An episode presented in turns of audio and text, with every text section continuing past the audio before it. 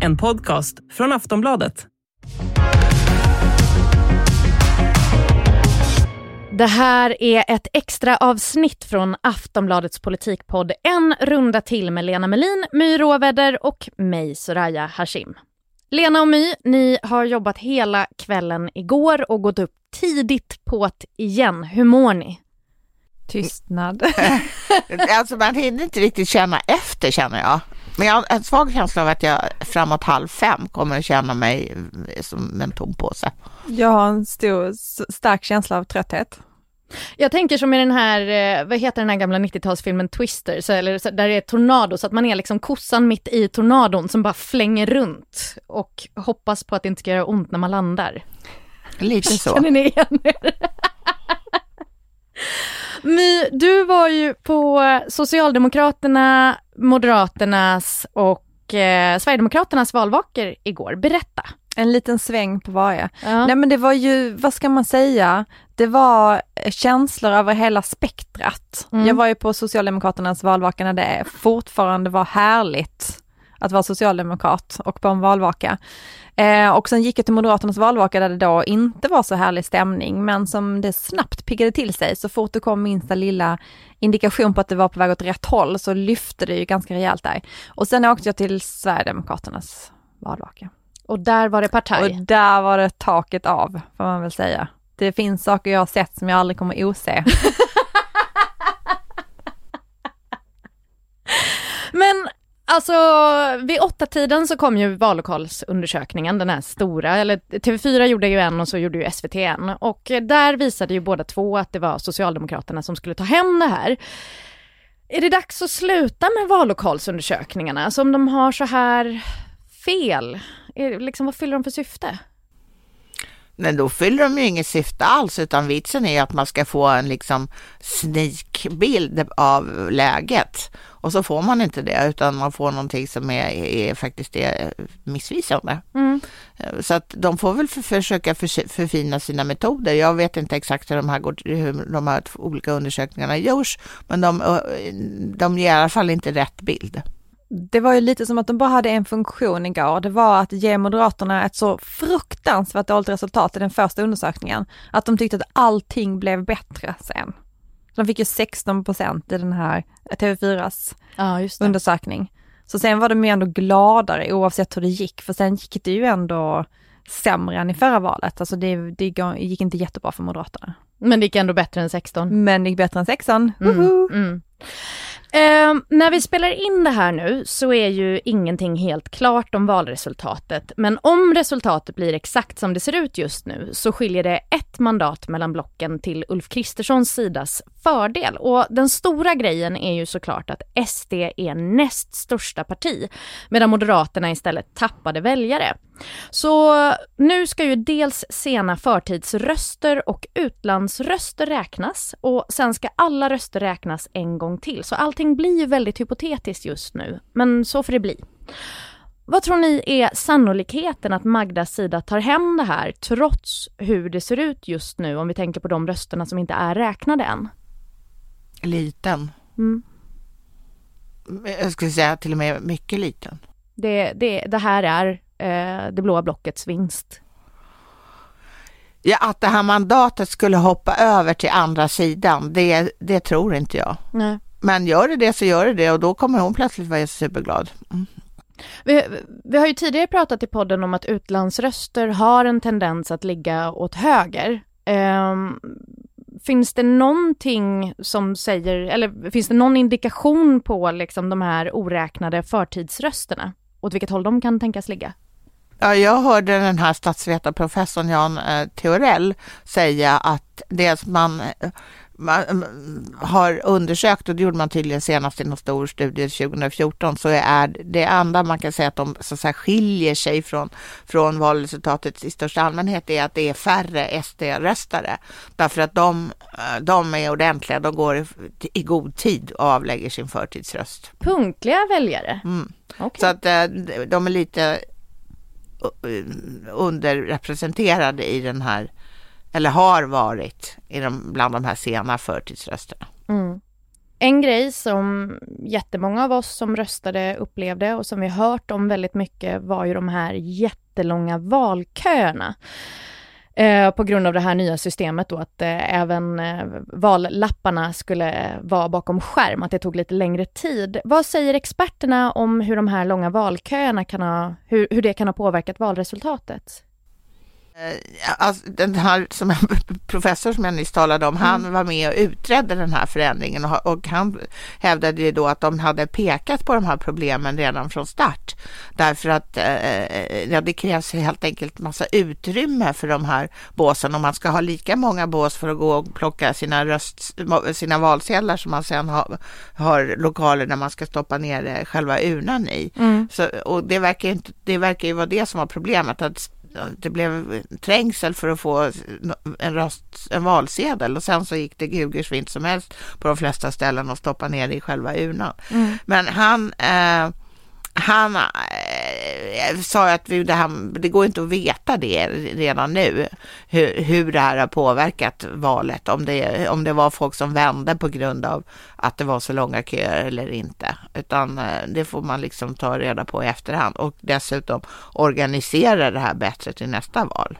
Däremot har de sett indikationer på att det är ett lägre valdeltagande i det här valet än förra valet. Och nu så verkar det ha gått ner lite och då är, behöver man väl undersöka om det har att göra med det här nya systemet eller inte.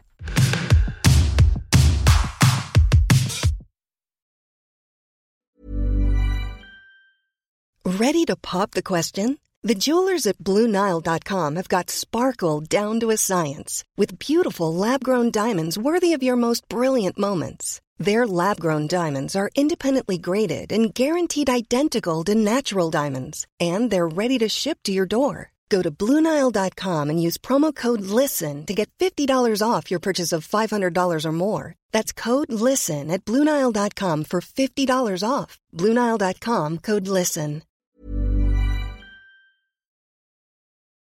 Jag tänkte på en sak också, blankrösterna. Hur ser det ut med dem? De ökar ju till någon slags rekordsiffra om jag förstår det heller rätt. Det var 59 000 när jag sist hörde någon siffra på det. Vet vi vad det kan bero på? Nej, men jag tror ju att det, jag tror att det och det här eh, uppenbarligen lägre valdeltagandet det har ungefär samma förklaringsmodell. Och jag tror att det är människors protest mot den här, eh, val, den här eh, gångna mandatperioden där folk har skrikit och gapat och eh, avsatt min regeringar för att sen någon vecka senare acceptera att samma regering återvänder. Alltså det har inte varit klokt. Mm. Och jag tycker folk med rätta eh, i så fall, om det är det de gör, eh, visar sitt missnöje med hur det politiska systemet tar ansvar för eh, valresultatet. Mm. Det gjorde de inte förra gången och tyvärr tror jag inte de kommer göra det nu Nej, heller. nu har vi fyra nya år med det här. Ja. Uh, vi kommer till det. Uh, den stora grejen var ju som sagt här att uh, Sverigedemokraterna blir andra största parti i Sverige. Hur omvälvande är det för svensk politik och Sverige som land? Eh, nej men det är ju en stor förändring. Alltså dels är det ju att de är det största, det, förmodligen det största partiet i det blocket. Men sen är det ju också att eh, de har kommit in i värmen, att de kommer att vara ett samarbetsparti. Eh, sen har vi också om man tittar ut över Europa och resten av världen så är det också att det är ett av de största nationalistiska partierna nu i en församling. Nu går ju sånt upp och ner i länder, de växer, de imploderar, de växer igen. Eh, men det är ju på uppgång i Sverige. Så att eh, just nu så har vi ju två, de två största partierna idag är Socialdemokraterna och Sverigedemokraterna. Men alltså, eh, Sverige har ju under mycket lång tid Eh, haft två eh, partier som har varit naturliga regeringsbildare, det vill säga Socialdemokraterna och Moderaterna. Och de har också haft en inbördes, så att säga, samordning är väl att ta ut, ja, gå för långt, men de har ju eh, allt alltid informerat varandra och helst hamnat på samma linje i stora avgörande frågor för landet. Men mm. de har åtminstone informerat varandra. De har massor med överenskommelser där de bestämmer saker och ting. De har fram till nu eh, bestämt, eh, bestämt helt enkelt till exempel hur utskotten ska fördelas, eh, eh hur många platser det ska vara i riksdagens utskott, eh, hur många mm, ordförandeplatser den eh, högersidan ska ha, hur många ordförandeplatser den vänstersidan ska ha. Så de har, de har liksom gjort upp om makten. Nu, nu så, så måste ju det systemet på något sätt rämna, för det blir ju väldigt konstigt om, om Moderaterna Moderaterna ska bestämma hur det ligger till på, eh, tillsammans med Socialdemokraterna när Moderaterna är mindre än Sverigedemokraterna. Mm. Så att vi, alltså det är massor med sådana här små saker som ändå är viktiga i en demokrati som, där de har hållit på att göra upp. Och där det här förhållandet som Socialdemokraterna och Moderaterna har just nu, det kommer inte att upprepas ihop mellan Socialdemokraterna och Sverigedemokraterna. Därför att där finns inte det förtroendet helt enkelt. Så det låter som att det kommer bli en sån riktig formalia höst, eller? Där det kommer vara en massa jidder om vem som ska sitta var och vem har makt i vad och hur sitter jag tror, och...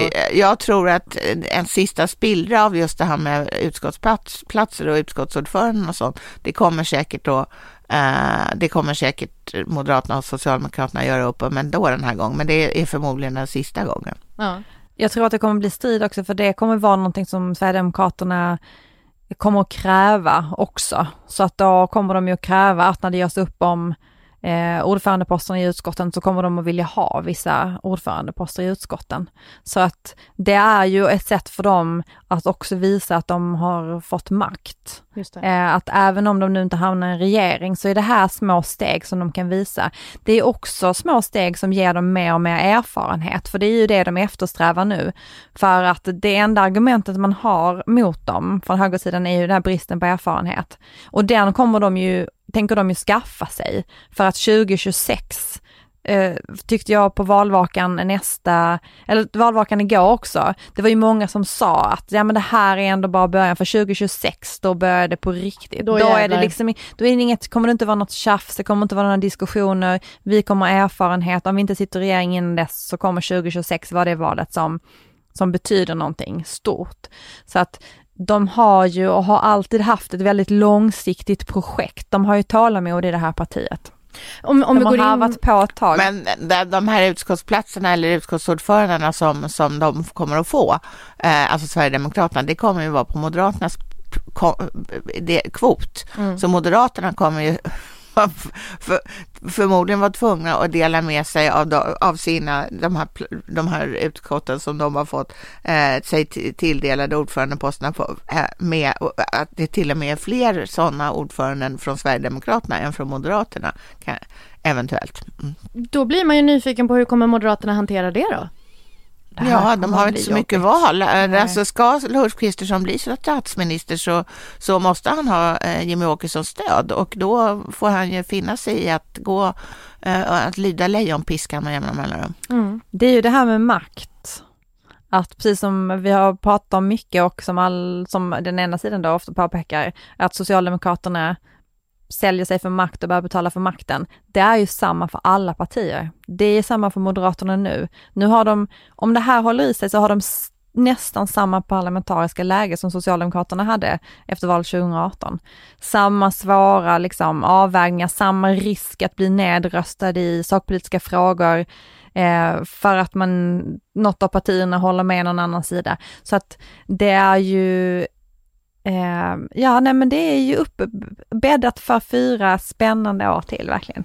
Ja, ja. Alltså, äh, Ulf Kristerssons regering, om, om han står fast vid att han, att han vill bilda regering tillsammans med äh, Kristdemokraterna och inga, inga fler, den kommer ju inte ens ha stöd av 25 procent av, av riksdagens ledamöter som eh, valresultatet ser ut just nu. Och det betyder att den kan bli ännu, har en ännu smalare bas än den nuvarande avgående regeringen som ju ändå har 28 procent av, av uh, rösterna bakom sig. Men Richard Jomshoff, alltså Sverigedemokraternas, vad är hans position? Partisekreterare. Partisekreterare. Han har ju varit ute i morse nu, både i SVT och SR och i andra kanaler och tidningar eh, och pratat om att eh, man inte ska stänga dörren för att Sverigedemokraterna kanske ska sitta i regering eftersom nu fick de ju så himla många röster. Vad är sannolikheten att eh, det kommer hända? Att de får plats i regeringen? Jag tror den är väldigt liten, men det är klart att han måste säga det. Men hur, hur mycket har liksom Moderaterna och Kristdemokraterna att sätta emot? SD är ju skitstora. Fast de kan bjuda på mycket annat som är viktigt för eh, Sverigedemokraterna. Typ. Alltså jag tror här eh, spelar ju också Liberalerna en väldigt stor roll. Mm, varför då? Ja, därför att de, da, de har ju sagt att Sverigedemokraterna kan inte sitta i regeringen. Då, då, då, då, exakt vad det har betytt, men det skulle ju kunna betyda att de inte stödjer en Ulf Kristersson-regering om, om, om Sverigedemokraterna skulle komma in. Så här krävs ju delikata samtal skulle jag vilja säga mellan Ulf Kristersson och de andra partiledarna i, i den här, inom den här blå gruppen. Okej, vi, vi håller oss kvar lite grann i högerblocket. Eh, det här kommer vi ju naturligtvis att återkomma till, men att alla i högerblocket har tappat förutom Sverigedemokraterna. Hur kommer den eftervalsanalysen se ut för Moderaterna, Kristdemokraterna och Liberalerna? Eh, nej men när det kommer till Moderaterna så tror jag att eftervalsanalysen kommer handla mycket om varför de förlorar väljare till Sverigedemokraterna och varför de inte har lyckats vinna på de här frågorna. Det var egentligen den perfekta situationen för Moderaterna i det här valet, om inte SD hade funnits och om de inte hade liksom haft så högt förtroende i just samma frågor som Moderaterna. Men det kan ju inte ha kommit som en chock för dem att ett, Sverigedemokraterna existerar, Det har inte två. kommit som en chock, men någonting jag tror att de kommer behöva utvärdera, det är ju hur de har hanterat Sverigedemokraterna under val eh, valkampanjandet. Att man har lyft upp dem så mycket, att man har nämnt dem som mm. i Almedalen, Ulf Kristersson sa att de ska ha liksom cred för att de har lyft det här med invandringen eh, under alla år. Att Ulf Kristersson liksom har kampanjat för SD, alltså det har han ju gjort för att han vill, för han vill förklara varför han gör det här valet. Men han har ju då samtidigt pratat om dem på sånt positivt sätt att jag kan tänka mig att många väljare har tänkt sig, ja men då röstar vi ändå på SD för att om man står i valet och kvalet, om man inte riktigt har bestämt sig. Så där behöver de nog fundera över hur gick det när Ulf Kristersson bestämde sig för att lyfta SD så otroligt mycket under valrörelsen. Håller du med om det Lena? Sitter Ulf Kristersson nu och ångrar att han gnuggade näsa så mycket med Jimmy Åkesson? Ja, det, det, det, tror jag och jag förstår inte riktigt vad han ville uppnå med det där för att, att, eh, att, så att säga, Sverigedemokraterna har varit ledande i vissa frågor. Det, det behövde väl kanske inte han påpeka, det har väl andra märkt också, alla märkt, även han eftersom han är apat efter. Men eh, så jag förstår inte riktigt syftet. Men jag tycker det är intressant det här du säger att alla de partierna inom eh, högeroppositionen utom Sverigedemokraterna har tappat. För det, eh, för det är precis tvärtom på den andra sidan. De två forna regeringspartierna, har, deras, deras väljarstöd har ju ökat. Mm. Eh, och anledningen till att de inte så att säga eh, har chans, eh, som det ser ut just nu, att bilda regering igen är ju att deras stödpartier, det vill säga V och C, tappar stöd. Mm. Men vi, vi, går till dem. Alltså, hur tror ni tanken hos Magdalena Andersson går nu? Även om hon ökar så har de ju misslyckats med att behålla regeringsmakten. Ja, de har gjort ett dåligt val. Det är näst sämsta sedan Sverige blev en demokrati. Så även om de slår sig för bröstet och säger att ja, ja, vi har minsann gjort ett bra val, så har de inte gjort ett bra val, för det är det som sagt det näst sämsta. Ja. Nej, men jag, jag tror att hon jag, tror att många av riksdagspartier har en ganska svår valanalys att göra. För, äh, eh, äh, eh, dels hur de har interagerat med de andra partierna, men också hur, hur den, här, den här mandatperioden, som, där det har varit rader av svåra problem att hantera, som naturligtvis hela det politiska systemet borde, borde varit intresserade av att hantera, men det istället har blivit käfts och bjäfs om nästan precis allting. Eh, det, är inte, det är inte värdigt. Mm. Så har hon börjat packa väskorna från Sagerska? Har hon börjat packa ner tavlor och sängkläder? Jag tror inte hon får ta tavlorna.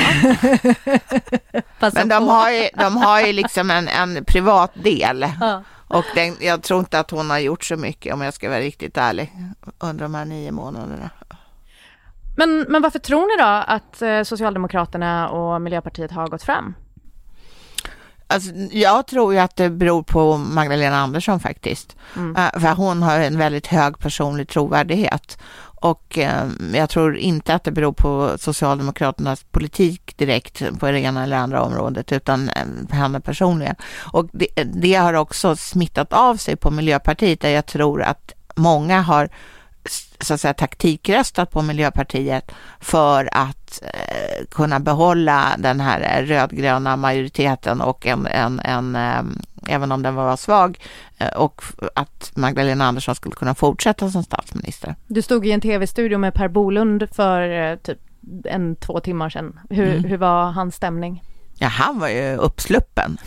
Det, var, man, det är inte så ofta man ser Per Bolund uppsluppen, ska ju vara, man vara riktigt ärlig. Men det, han var så uppsluppen som Per Bolund kan vara. Men eh, okej, okay, nu ser det ju ut som att de blir opposition.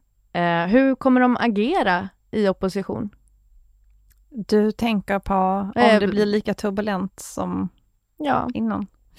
Alltså jag kommer tillbaka till samma sak som jag säger om och om igen. Jag vet inte om det är en förhoppning egentligen eller om det är en analys. Det är väldigt svårt i, mitt, i min hjärna att skilja på dessa två, men just nu. Men jag tänker att partierna måste fundera över hur de hanterar det här parlamentariska läget. Nu har de fått en chans till att hantera det, mm. alltså ett liknande parlamentariskt läge.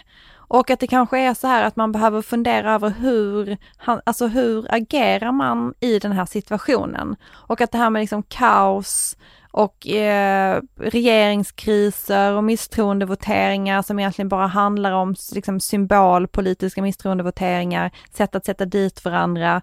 Eh, att det kanske finns andra sätt att agera politiskt i det här, ett sånt här parlamentariskt läge. Men realistiskt? Det, jag, okej, när jag hör mig, säga, mig själv säga det så tänker jag att det nog är mer en förhoppning. Ja, för jag skulle precis fråga realistiskt, vad är det som säger att det inte blir på exakt samma sätt? Nej men en liten indikation kan ju vara det här med valdeltagandet. Blankrösterna tänker att du? Att man funderar över så här, det här kanske inte går att, det här, går, det här kan inte fortgå om vi ska ha ett högt valdeltagande, om människor ska engagera sig, om de ska rösta på våra partier.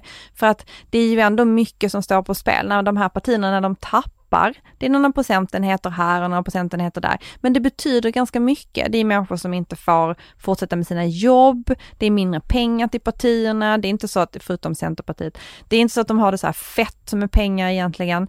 Eh, alltså det finns så himla mycket konsekvenser eh, och när man tappar regeringsmakten är det jättemycket människor som får gå, som får hitta andra jobb, som har jobbat i åtta år nu då kanske i, i olika typer av, liksom, i regeringskansliet.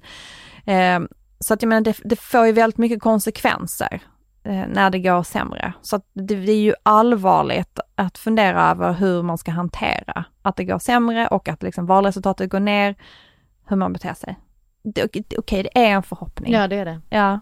Okej, okay, jag, jag, Nej, men jag ser, nej, du, du liksom, det är ett hörn jag, och du målar jag landade, på. Jag landade i det.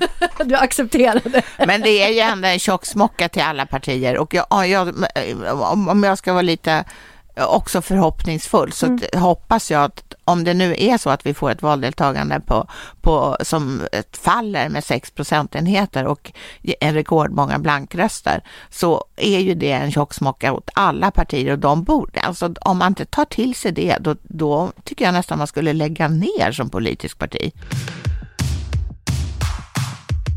En sak jag funderade på också var ju det här med mm, eh, Centerpartiet. Hur kommer det sig att de fick så dåligt resultat när de var det enda liksom blåaktiga i alla fall partiet som inte ville ha med Sverigedemokraterna att göra. Annie Lööf lät ju inte jätteglad igår. Nej, och det är ju, alltså de tappar ju ungefär 25 procent av sina väljare. Det är ju jättedåligt valresultat. Och jag tror att i, stor, i hög grad beror ju det här på att eh, Centers otydlighet och den breda mitten då som, mm. som hon pratar om som ett regeringsalternativ. Och det är ett regeringsalternativ som ingen annan har varit särskilt intresserad av på jättelänge. Och så, ingen förstår vad hon menar när hon säger det. Nej, mm. så att eh, det ger ju ett, för det ger ett väldigt otydligt intryck. Helt enkelt, vilken regering ville Centern ha? Mm. Och då har man på slutet då här i de sista skälvande veckorna sagt att ja, vi föredrar Magdalena Andersson som regeringsbildare. Jo tack, just det behöver du kanske inte ha sagt för det har vi fått ändå. Får jag bara säga också så här att nu pratar vi bara om riksdagsvalet och det är inte ens ett preliminärt valresultat. Men det finns ju två andra stora val som får nästan ännu mer betydelse för vardagen för människor. Det är ju kommunalvalen och regionvalen.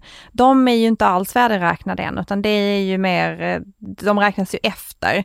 Eh, det finns, det är en hel del resultat inne, men, men där har vi ju också sett en stor förändring för Sverigedemokraterna. Eh, att de får ännu mer stöd, framförallt i Skåne så får de ju ett otroligt ökat stöd i kommunerna. Och det är ju också en stor förändring att i Sveriges kommuner så kommer man att se helt, jag tror helt andra politiska majoriteter eftersom det nu är helt legitimt att bilda politiska majoriteter med Sverigedemokraterna. Det gjorde ju kommuner i vissa fall ändå efter förra valet, men det var lite mer frik friktion kring det. Eh, men så att jag tror att ute i kommunerna kommer vi också se en helt ny eh, politisk realitet helt enkelt.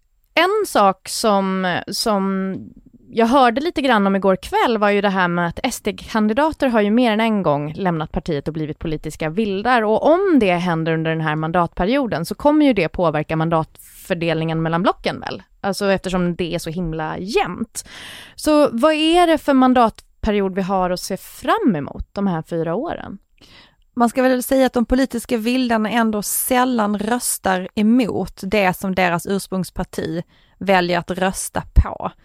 Eh, vi kan väl, eh, alltså Amineh Kakabaveh är väl den vilde som har fått mest genomslag, men hon valde ju ändå att rösta ungefär samma som hennes politiska parti, Vänsterpartiet då. Men det var det. ofta ganska dyr röst. Det var en dyr röst. Jag tror att det kanske inte blir lika dyrt om det är en sverigedemokratisk vilde. De har ju haft eh, rekord i vildar, Sverigedemokraterna. Jag tror att vid något tillfälle hade de sju politiska vildar i riksdagen. Framförallt är det ju att de är lite mer opolitliga eftersom man då behöver förhandla med var och en vilde och inte bara med ett parti som har kontroll över sin riksdagsgrupp. Så det kommer ju vara en utmaning för Moderaterna. Eh, om man har dem liksom som ett stödparti. Mm. Men eh, vildarna vet vi ju inte om de kommer och ens hur många de, eller hur många de blir eller någonting. Däremot vet vi att Liberalernas riksdagsgrupp har vi två uttalade Eh, skeptiker är väl en mild beteckning på, till Sverigedemokraterna i. Och det handlar om två personer som kommer in eh, nu, Anna Starbrink från Stockholm och Helena Odenjung från Göteborg. Och det där, alltså de, eh, de kommer ju bli ett problem för, för Johan Persson om de vidhåller sin mycket kritiska linje till Sverigedemokraterna, till inflytande från, för Sverigedemokraterna för att uttrycka sig mer specifikt. Vad kan det få för effekter? Ja, alltså de kan ju, jag tror inte att de ska rösta för en statsministerkandidat som, eh, som har med Sverigedemokraterna i regeringen. Eftersom Liberalerna är ju emot det just nu, men de kan ju ändra sig även på den punkten. Okej, okay, så jag ser en framtid som är ganska stökig, eh, inte helt tydlig och eh, ja, det känns som att det är många extra avsnitt i vår framtid. Eller? Jag tror att intresset för politiken kommer inte att, det kommer inte bli mindre, det kommer inte bli tråkigare den här mandatperioden.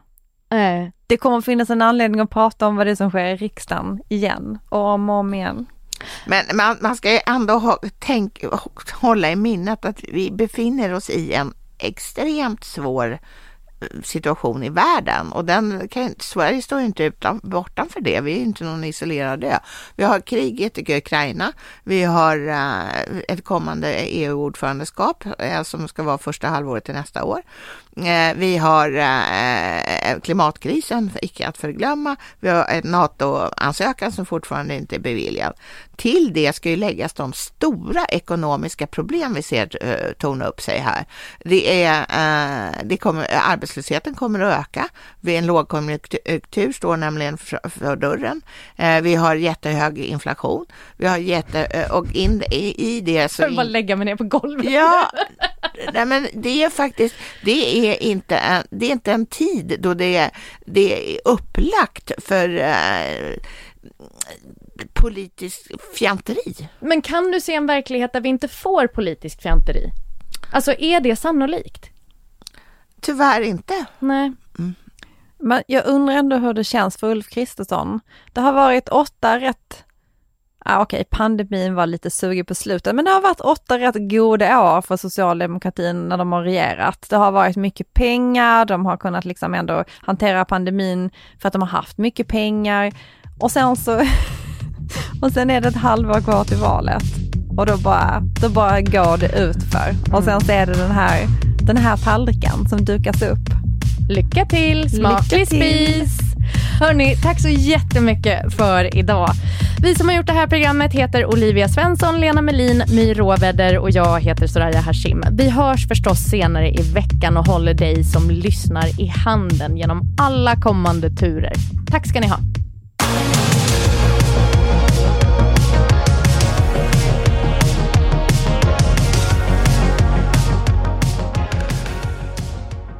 Du har lyssnat på en podcast från Aftonbladet.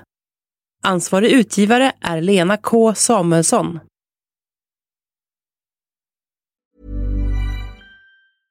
Ready to pop the question? The jewelers at BlueNile.com have got sparkle down to a science with beautiful lab-grown diamonds worthy of your most brilliant moments. Their lab-grown diamonds are independently graded and guaranteed identical to natural diamonds, and they're ready to ship to your door. Go to Bluenile.com and use promo code LISTEN to get $50 off your purchase of $500 or more. That's code LISTEN at Bluenile.com for $50 off. Bluenile.com code LISTEN.